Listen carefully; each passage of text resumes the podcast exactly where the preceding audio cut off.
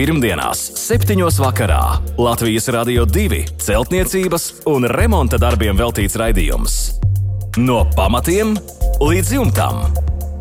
Ar padomiem un atbildēm uz klausītāju jautājumiem Latvijas Rādio 2 studijā - tehnisko zinātņu doktors, būveksperts Juris Biršs. Sveicināti pirmdienas vakarā studijā Inese un Kālaža šajā laikā pie jums dodas raidījums no pamatiem līdz jumtam. Atbildes uz jūsu iesūtītajiem jautājumiem par būvniecību un remontu darbiem ir sagatavojis būveksperts, tehnisko zinātņu doktors Juris Biršs. Labvakar, Birškungs! Labvakar! Radījuma sākumā atgādināšu mūsu e-pasta adresi remonds at lr2.lv. Vēstules ar jautājumiem varat iesūtīt arī izmantojot mūsu Latvijas Radio 2 mājaslapu un, protams, klausieties mūsu raidījumus populārākajās podkāstu straumēšanas vietnēs. Šovakar sāksim ar Mairas vēstuli. Ķieģeļu saimniecības ēka atrodas uz māla augsnes. Padomju gados tika ielietas betona grīdas, bet ap 2000. gadu tās tika noflīzētas. Ziemā viss ir labi, bet vasarā grīda svīst, jo karstāks laiks, jo slapjāka grīda. Telpas ir ļoti mitras, tur, kur kāda flīze no mitruma ir atdalījusies, apkārtējās flīzes svīst mazāk. Vai ir iespēja izvēlēties kādu citu grīdas segumu, nu, lai nerastos šis kondensāts? Un Maira raksta, ka negribētos kalt arī veco betona grīdu ārā. Nu, kā rīkoties, Biržkungs, šajā gadījumā? Jā, nu, tāds interesants situācija izveidojusies iekšā. Bet jāatcerās, ir mazliet no vēstures. Tātad padomu gados pirmkārt jau vienalga uz kādām gruntiem ļoti reti, kad lika apakšā īpaši šķēmas, viņa ir likta ļoti ne, ne, tādā plānā kārtiņā, un tāpēc un virs šķēmām nu neko nelika, vienkārši betonai. Nu, līdz ar to viss tā konstrukcija skaidra mums ir. Jo, jo mitra vide apakšā, noteikti saskarās arī ar, ar betonu. Tālāk, kamēr betons bija tikai viens, tikmēr viņš var brīvi nu, teiksim, izgarot no šīs grīdas, tik līdz uzlikt viņam virsū flīzes, kuras nevajag mitrumu cauri. Nu, ja tādu kā vāku. Jā, nu, tad sākās pirmkārt jau redziet, dažas no mitruma, kā saka, atlētas. Jā, pareizi, tas ir spēcīgs spiediens no apakšpuses, bet otrām kārtām mums mm, vienkārši dzēsē šis ūdens no apakšpuses ļoti dzēsē, jo lielāka vasara, jo karstāks laiks, jo lielāka temperatūra starpība. Otrām kārtām arī tas mitrums, kas parādās uz flīzēm, viņš izgaro, izgarojot, kas kas notiek, atdzesējās. Mēs visu laiku dzēsējam grīdu. Un šī grīda nu, nu, tāda. Tātad pārvēršas par visaugstāko vietu, uz kuras virsmas arī kondensējas ūdens no gaisa visapkārt. Vis, fizikāli viss ir ļoti skaidrs. Arī tāpēc, ka bez izkritušas flīzes, tad tā, tajās vietās ir iespējams mazāks šis uh, izgarojuma process, jo viņš vienkārši, vienkārši šis. Mm, tiešā veidā dodas ūdens uz, uz telpa, telpas gaisā. Nu, tā kā viss tas ir pilnīgi skaidrs. Tātad uh, Mans ieteikums, ja grib kaut ko darīt, grīdu nav jālauž. Būtu ļoti ieteicams uzlauzt šīs flīzes.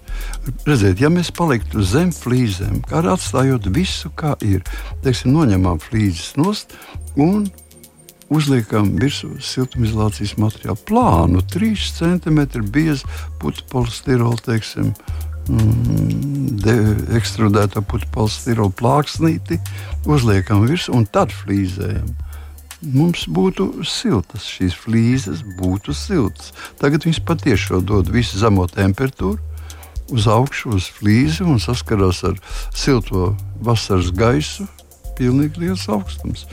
Tas ir viss vienkāršākais, ja to var izdarīt. Ja to nevar izdarīt, tādā gadījumā mums ir tomēr jāliek kaut kas virsū. Un virsū var likt mīkstās, teiksim, nu jā, tur ir mazliet, varbūt tās varbūt ir pagrūti reti, kad viņas redz, un būvmateriālu veikalos viņas var pasūtīt. Vienkārši tas ir tādas nu, kā saka, mīkstās grīdas, kuras elpo, bet viņas ir siltas.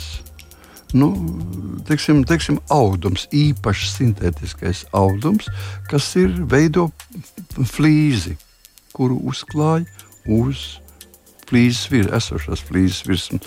Man ir grūti kaut ko teikt. Viņš ir tādas uh, grīdas, ir, ir, ir Rīgā arēnā. Ah, var apskatīt, var apskatīties. Jā, man liekas, ka viņas vēl tur ir palikušas. Viņas bija savā laikā ļoti modernas. Un, teiksim, tāda varētu tādas būt. Nu, ja ne savādāk, tad vienkārši jāliek virsū ir kaut vai nu, teiksim, koka. Koks uz, uz šīm flīzēm virsū. Patiešo koku uz flīzēm? Jā, patiešo. patiešo. Un tad šis mitrums tomēr tiks slāpēts? Vai arī koks Mi, mitrums neveido. Šeit neveido mitrumu, neveido flīzes. Mitrumu veido siltais telpas gaiss, saskaroties ar ļoti augstu flīžu virsmu. Jā. Nu, tātad šī augstā flīžu virsma jāpadara siltāka. Tiks neutralizēta. Jā, un viss. Viņš vairāk mums ne, nesvīdīs vai svīdīs ļoti maz.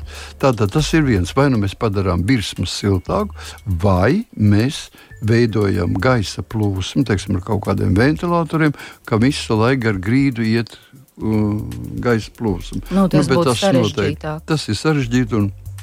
Un, ne, nekomfortabli, ja to varētu eh, tehniskās telpās atļauties darīt. Bet tas ir divas iespējas, kā dabūt kondensēt no virsmas. Mm. Virsmai jābūt siltai, nu, salīdzinoši siltai ar gaisu. Jā, un tad arī telpa būs sausa. Tas telpa būs sausa. Tātad izvēlamies vai nu jaunu siltumizolācijas, tātad uh, grīdas materiālu. Vat, piemēram, nu, pa, piemēram teiksim, ja, nu, es saprotu, tās ir saimniecības ēka. Jā, nu, saimniecības nu, ēka. Tāpēc tur tā īpaši dārgi negribās likt virsū. Teiksim, ja tas būtu dzīvo, dzīvojamās telpas, tad varētu likt līmēt virsū, teiksim, korķi korķis plāksnītis. Nu jā, tas jau Lidiāli. tā ekskluzīvi. Nu, viņš ir savā ziņā ekskluzīvs, bet nu, viņš atrisina problēmu. Ja tā ir problēma, tāpēc šeit, šajā gadījumā, varat vienkārši likt virsū plāna koka plāksnītis. Mhm. -huh. Uz lagām, starp lagas pildīt ar ekovatu. Jā, lagas pildīts ar ekovati un plānas koka plāksnītis. Jā. Un jautājums būs atrisināts. Paldies par atbildi Mairai. Rodžers ir iecerējis dzīvoklī ar ekoloģiskiem materiāliem nokrāsot griestus. Dzīvoklis atrodas tās augtās Hruščovkas tipa mājas pēdējā stāvā. Griezti ir dzelzbetona panelis, un tas šobrīd ir aplīmēts ar dekoratīvajiem PVC paneļiem. Kāda būtu Birša kungs darbu secība un kādus materiālus jūs ieteiktu Rodžeram? Jā, nu, godīgi sakot, ļoti daudz ko var ieteikt.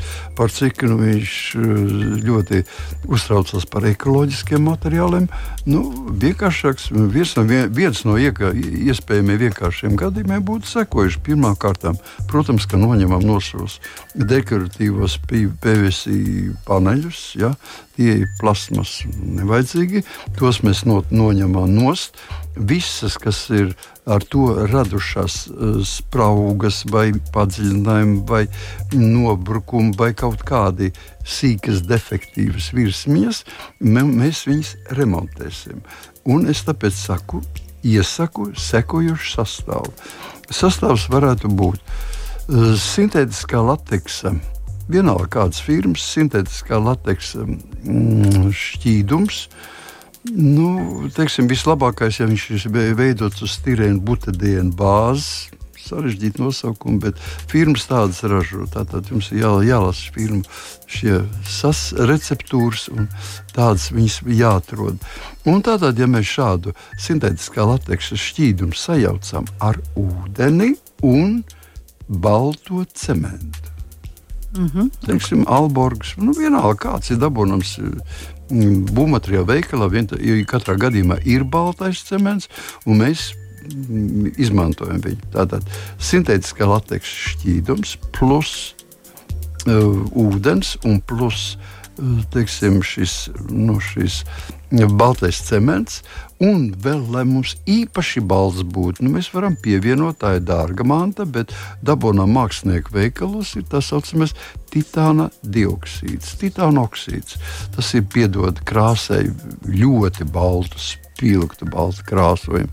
Bet baltais cements jau pats par sevi tāpat. E, kas attiecas uz sintētiskā lateksa šķīdumu, tad uh, uz stīrēna butadienu veidoties šie šķīdumi, viņi ir tas, ne, tikko mēs sajauksim kopā, viņš dos zilu gan zaļu, tādu krāsu, bet pēc tam tā pāries baltā. Lūk, tas varētu būt pie tam vēl, es teiktu, kad sacietējusi šī sistēma. Sintētiskā lateksa šķīdums ir domāts kā līmes, kā līme, ja, klāt nedaudz. Un tāpēc šī grīdu, griestu krāsa nav jāatjauno. Viņa būs mūžīga, viņa varēs dabūt no tikai mehāniski. Jo vairāk liksim sintētiskā lateksa šķīdumu, jo viņa būs Eh, nu, nu, teiksim, izturīgāka. Ja? Tāpēc, ja, ja cilvēki grib tikai, tie, lai viņi vairāk elpotu un, un būtu nu, tāda arī savā ziņā maināma, tad mēs pieliekam viņu mazāk klāt. Nu, galvenais noteicošais krāsējums ir cements un titāna dioksīds. Tālāk kā līme. Nedaudz klāts šīs sintētiskā lateksa šķīdums un ūdens lai mēs varam viņu vienkārši uznest virsū. Visas šīs kombinācijas ir ekoloģiski pārbaudītas, absolūti, kad viss ir sacietējuši. Viņas ir absolūti nekaitīgas. Ar šādiem materiāliem tiek teiksim, gruntēti ūdens baseini, ūdens dzeršanai, kur domāts ūdens, ja, ar šādiem materiāliem. Tāpēc tas būs ekoloģisks, pie tām ilgi stāvošs. Jebkurā brīdī viņi var atjaunot ar jaunu tādu pašu. Mm sastāv. Jā, bet man radās bieži kungs, tomēr es tā iedomājos, ja es jauktu kopā visas šīs sastāvdaļas, kā būtu ar proporcijām. Es īsti nesaprastu, cik proporcijas, būs ļoti, proporcijas būs ļoti vienkāršas. Tātad uh, minimum, tur šeit var būt ļoti dažādas šīs proporcijas, jo visu jau izšķir tas, lai mēs varētu uznest, ar ko mēs nesim ar smidzinātāju. Piemēram. Visas šīs vielas ir smalkas, viņas var izsmidzināt. Ja? Tātad pamatā vajadzētu pieturēties, tas būtu vislabākais, ja mēs pieturētos cements pret sintētiskā lateksa šķīdumu attiecībā viens pret divi vai arī to sintētiskā lateksa šķīdumu var nedaudz mazāk turēt. Ūdeni mēs liekam klāt tik daudz, lai mēs vienkārši varētu viņu smidzināt. Jā. Un uh, titāna dioksīdu pēc izskata viņš dos uzreiz skatu. Jā, tāds čipsniņš. Jā. Nu, arī man ir skaidrs. Paldies par atbildi Rodžeram. Nākamais ir Mārija jautājums vai mansarda jumtam, kur iesākt siltināt ar 100 mm minerālu vati, kā nākošo 100 mm siltinājumu slāni telpas pusē, var likt kokšķiedras vati. Šāds jautājums ar nolūku, ka varētu šajā gadījumā nelikt tvaika plēvi. Un kopējais pīrāgs būtu šāds: bituma dakstiņš, OSB, gaisa šķirkārta, minerālā pretvēja plāksne, siltinājums 100 mm minerāla vate, tad siltinājums 100 mm kokšķiedras vate, tvaika plēve un rīģipsis. Un vēl Mārs jautā, vai šī plēve, tvaika plēve ir nepieciešama. Nu, Atbilde būs ļoti vienkārša. Viss bija ļoti labi salikts kopā, un, un teiksim, Mārim es piekrītu, ka visu to var darīt. Tikai lietas būtība ir sekojoša. Ja tas šī jumta telpa, šī mansarda telpa ir domāta dzīvošanai normālos apstākļos, pie paaugstināta mitruma to nedrīkst darīt. Tātad vannas istabās tā nedrīkst likt. Un, teiksim, mitrās eh, telpās vai tehniskās, kas attiecas uz apdzīvojumam, Lūdzu, ja mums ir normāls teiksim, gaisa mitrums, tiek uzturēts no, no 50 līdz 65 kaut kur mm, procentu relatīvais gaisa mitrums, kā tas ir normālās telpās, tad šāda konstrukcija ir iespējama. Un tad var nelikt šo tvaika plēvi. Viņa absolūti nav nepieciešama. Šie 100 mm kokšķiedes vates uz, uzņems to iespējamo kondensāta, kas veidosies no normāla mitruma telpas puses un uzņems sevi. Tālāk viņi to atdos jau lēnām uz, uz minerālu vati. Un minerāla vate, nu, tur es domāju, ka nekādas, viņa atrodas tuvu virs, virskārtai, nekādas mm, starpības nevajadzētu būt. Tā tad, ja tā ir dzīvojama telpa, Jā. tad viss ir vislabākajā kārtībā. Viss ir kārtībā. Ja būs paaugstināts mitrums, tad telpa un teiksim, ļoti daudz augstu, mēs tur varbūt uh, uz, uztaisām siltumnīcu. Ja? Nu, tad nē, tad parādīsies pilēšana. Tad vienkārši arī mūsu šī, šī kokvate nespēs uz, uzsūkt visu ūdeni. Un tādā gadījumā tad plēve ir vajadzīga? Nu, tad ir vajadzīga plēve obligāti.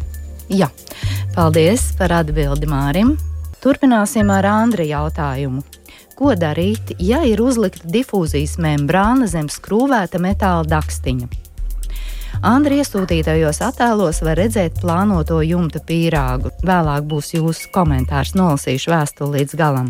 Abas gaisa spraugas, kas ir starp plēvi vēdināmas, Lai nomainītu plēvi, ir jānoņem jumts. Konstrukcija neatļauj to izdarīt no iekšpuses. Andris raksta siltināšu ar ekovati vai ar, arī ar beramo kokšķiedru vati. Un ir pievienoti vairāki fotoattēli.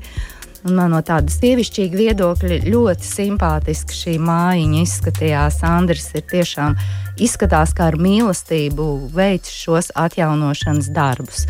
Un tagad jūsu komentārs, Biržkungs. Jā, nu, foto uzņēmumos tiešām ir, ir jauki.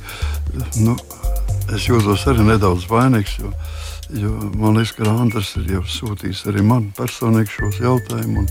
Man nav bijis laika viņam to atbildēt. Tagad to izdarīsim. Tagad mēs varētu, nu, vismaz daļēji, mēs varam pateikt, cik laiks mums pietiek pašreiz teikt. Un tā tad ir vec, vecā pielaistā kļūda, kad mēs uzsākam um, jumta, kuram ir um, no gabaliem veidots jumta segums, šai gadījumā metāla dakstiņa, skrūvēt ar skrūvēm, un apakšā palikt tikai difu, difuzijas plēve. Nu, tā mēs gluži nevaram teikt. Šai, šai gadījumā šī difuzijas plēve un, un tālāk iet vēl, vēl vecā jumta latas. Tur ir ļoti da, divas, divas spraugas ar, ar, ga, ar gaisu, kas, kas manā skatījumā ļoti Andrim palīdzēs tikt vaļā šajā gadījumā. Šis jautājums nav tik sarežģīts. Šeit ir galvenais, kam jābūt. Ir.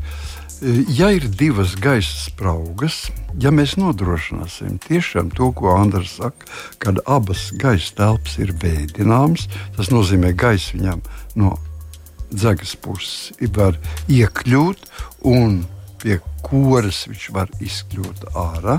Ja tas ir tiešām taisnība, tad nav lielas nelaimes šajā gadījumā.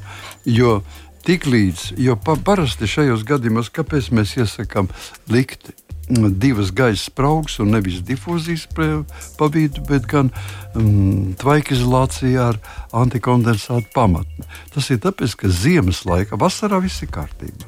Ziemas laikā šī difūzijas plēve, viņa, nu, teiksim, kā esot augstajā zonā, viņa ir ledus augsta un jebkurš kondensāta tvaiks, kas nāk no jumta siltinājuma, protams, ka kondensējās momentā uz šīs plēves, veidojās pilieni, un šie pilieni sakot, aizņem visu telpu, nosprosto un teiksim, to gaisa spraugu. Tas mums e, ir e, ļoti slikti.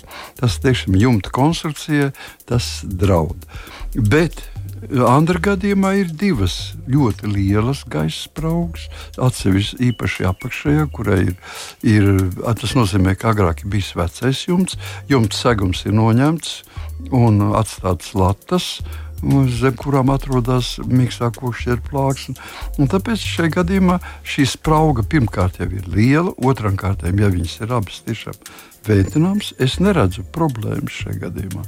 Tātad praktiski varētu iztikt arī ar, ne, ne, teiksim, nav nekādas nepieciešamības plēst no jumta. Jebkurā gadījumā, ja var no iekšpuses, tad, no iekšpuses ar netiekam klāt un ņemt no jumta, tas ir tiešām ļoti darbietilpīgs process. Es domāju, ka šajā gadījumā var iztikt ar to, kā tas ir. Noteikti garantējoši ir pārliecinoties, ka gaiss iekļūst abās, tā, abās gaisa spraugās, nu, pie jumta dzegas, tātad pie jumta, jumta kastē, un iziet laukā pie jumta kūras. Vai nu apvienotā ejā, vai katra atsevišķi. Ja tas tiks izdarīts, es saku, ka šī konstrukcija var pastāvēt. Jā, paldies, Biržkungs, par atbildi Andrim. Jautā klausītājs. Un šī klausītāja vārds ir Evalds. Evalds raksta. 50 gadus vecai divstāvu koku ēkai, kas apšūta ar baltajiem silikāta ķieģeļiem, vēlos ar akmens vati nosiltināt augstos bēniņus. Atstājot veco siltinājumu, un vecais siltinājums ir izdeģu, oļu, skaidu maisījums vai nepieciešams, veidojot jauno siltinājumu slāni, likt plēvi virs vai zem akmens vates, vate ruļos un kārtās. Ja nepieciešams, tad kādu plēvi izmantot un cik biezu akmens vates slāni likt, nu, lai panāktu, protams, visefektīvāko siltuma aizsardzību, raksta Evalds un jautā. Jā. Nu, jautājums ir ļoti bieži iz, iz, iztirzāts jau mūsu raidījumos, bet vienmēr atgriezīsimies un kārtīgi, tāpēc ka katra atsevišķa gadījumā ir savs ieskats pašam. Nianses ir. Nianses, jā. Un kaut gan principi paliek vieni un tie paši. Tātad pirmām kārtām ir augstie bēniņi. Tas nozīmē, kad mēs no telpas, lai pārietu uz augstiem bēniņiem, veidojam pārsegumu, kurā mēs atrisinām šo problēmu. Kur liksies mitrums? Ja siltums aizies, jebkurā gadījumā ātrāk vai lēnāk, jāatdzisīs telpa, jebkuru, kā mēs nesiltinātu, viņas vienmēr lēnām atdziest, bet mitrums kaut kur uzkrāsies. Un tāpēc es pieņemu, ka šajā telpā jau vecajā, tātad augstajā pārsegumā ir vai nu melnie griezti, vai ir iestrādāta, un tas būtu jaunāks gadu gājums, iestrādāta plēve. Un tā šī plēve atrodas jau, jau telpas pusē, telpas griestu pusē. Nu, pieņemsim, ka visticamāk, ka tas ir, ir veca ēka, 50 gadu. Šai gadījumā varētu teikt, ka viņai varbūt ka bija arī teiksim, šie melnie griezti. Un tāpēc augstā tālāk kas eh, tātad virs vecā siltinājuma, ko veido izdēļu, oļu, zāģu skaidu, dažādas maisījumus, mums nekādas barjeras nedrīkstam likt. Mēs turpinām šo izdēļu, oļu, zāģu skaidu maisījumu ar jauno siltumizolācijas materiālu. Šai gadījumā, teiksim, ar vatas, vati ruļos un mēs viņu rulējam virsū uz tieši uz vecās siltumizolācijas materiāla. Nekādā gadījumā neveidojam nekādas plēves. Un arī augšpusē, kur mēs beidzam šo jauno siltinājumu slāni, nekādas plēves. Tikai siltinājuma materiāls un vairāk nekas. Tas ir nu, likums no fizikāliem viedokļiem. Tātad nekā, visi mitrumi jau bija jāatrisina un sil, siltajam istabas gaisam ieplūstot uh, pārsegumā. Jā. Vai nu tie bija melnie griezti, un ja tādi viņi tur ir, vai arī teiksim, jaunā gada, 50 gadu vecā ēka, tā jau vēl varētu būt arī, arī kādi, nu, nezinu, ļoti neticami, bet varbūt arī, arī ir, ir kādi plēves ieklājumi. Kaut gan no 50 gadiem vēl liekas, ka tādas rītīgas plēves jumtā nekad nelika vēl. Un, ja tas tā ir, viss ir kārtībā. Ja tas tā nav, tad teiksim, visvienkāršākais, ko mēs varam, ja teiksim, vispār nav nekāda ne melnie griezta, ne ieklājuma, tad, lai aizkavētu mitrumu ieplūšanu griestos, mēs griestus krāsojam ar ūdens tvaiku, necaurlaidīgu vai mazcaurlaidīgu krāsojumu, piemēram, ar eļļas krāsu. Nokrāsējam grieztsēkai un nu, tas mikromitrums izmetīsies uz eļļas krāsas, bet neies iekšā pārsegumā. Mm. Nu, tur ir daudz dažādu tādu uh, variantu, kā to varam samazināt uzskatīsim, ka tur viss ir kārtībā. Un cik biezam šim kopējam siltinājuma slānim jābūt, ja atstāja izdeģoļu skaidu maisījumu un tad var rullē vati. Tur tie 30 centimetri katru ir. Godīgi sakot, šie izdeģu oļu un zāģu skaidu maisījums vienalga, cik viņš ir biezs nebūtu, kaut vai viss 20 centimetri, viņa efektivitāte ir zema. Jā. Un par cik Evalds grib visefektīvāk, tad Nu, vis, es teiktu, tā, ka 20 centimetri jauna, svaiga, teiksim, ruļveida vate būtu efektīva. Jau biezāka kārta būs labāka vēl, ja, bet viņa neatmaksāsies. Praktiski nozīmē, ka viņa vairāk nav efektīva. Ja, viņa ir ja, ilgstoša. Mēs strādājam priekš mazbērniem ja, tādā veidā nu, tad mēs nevaram teikt, ka tā ir visefektīvākā. Visefektīvākā būtu 20, 25 centimetri jauns siltinājuma slānis. Jā, paldies, viss skaidrs. Paldies par atbildēju valdam. Un vēl Aigars mums raksta. Telpa ar betona grīdu, sienām un arī griestiem. Vēlamies ierīkot vannas istabu un kā pareizi nosiltināt sienas. Doma Aigaram ir šāda. Pie sienām pieskrūvēt 5x5 koka latas, ielikt vati, tad parastā plēve un pieskrūvēt rīģipsi. Un apstrādāt ar hidroizolāciju, un viss ir gatavs. Nu, vai tiešām ar šādu darbu secību un ar materiāliem viss būtu gatavs, Biržkungs? Jā, izskatās, ir, ka padomāt. tur varētu būt jautājumi. Jā, jautājumi vispār ir. Tā šeit ir varbūt druskuļi nedaudz par maz informāciju mums dots. Redziet, kas tā ir pa telpu ar betonu grīdu, sienām un griestiem? Ja tā ir kāda neliela telpiņa, kurā mēs gribam iespiest vannas istabu, nu, tad eh, teiksim, šeit derēs, derēs tas, ko Aigars liek priekšā. Bet es gan labāk teiktu, liktu minerālās vatas vietā, liktu uz koka bāzes veidot vati, bet, protams, šo, šo tvaika izolāciju priekšā. Šajā gadījumā tā ir vannas sistēma ar paaugstinātu mitrumu, un tātad šeit mēs nevarēsim iztikt. Visprātīgākais un vislabākais, tīri teorētiski risinājums, protams, ka būtu, ja šī telpa ir pietiekoši liela, un mēs varam no šīs telpas atvirzīties 50 mm nost. Un, ja mēs atvirzamies 50 mm nost un veidojam mākslīgu sienu. Nu, teiksim, uz rīķipša profila bāzes veidojam rīķipša sienu, kur mēs pēc tam flīzējam un varam pat iekšā. Lai nebūtu neskanēt ļoti spēcīgi, mēs varētu to, to jauno sienu siltināt, atstājot šos 5 cm brīvus. Un šos 5 cm gar, sienā, gar ārsienām un gar uh, griestiem mēs pieslēdzam pie ventilācijas. Un ventilējot, iestādām šo ventilāciju automātiski uz 70% relatīvā mitruma. Šī kā tikai pārsniedz 70%, viņi ieslēdzas un iz, izmet mitrumu vai nu ārā, vai ventilācijas cukām.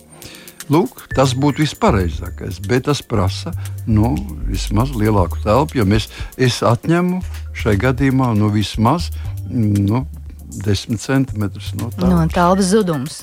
Jā, telpas zudums. Ja tas ir iespējams, tad tas būtu visefektīvākais paņēmiens. Citā gadījumā, ja lūdzu, tikai nevajadzētu likt minerālāti, kas ir īpaši kondensējuši, liekam koka bāzes siltumizolācijas materiālu, bet siltajā pusē liekam plēvi. Jā. Paldies par atbildi Aigaram. Līdz ar to šovakar mūsu raidījums ir izskanējis. Vēlreiz atgādināšu mūsu e-pasta adresi remonds at lr2.lv. Sūtiet jautājumus, pievienojiet fotoattēlus, ja tādi ir, tad mēs precīzāk izpratīsim doto situāciju. Un jau pēc nedēļas vai divām noteikti saņemsiet atbildi. Bet šovakar gan, lai jums mierīgs, jauks vakars! Visu labu! Pirmdienās, 7. vakarā Latvijas Rādio 2 celtniecības un remonta darbiem veltīts raidījums. No pamatiem līdz jumtam.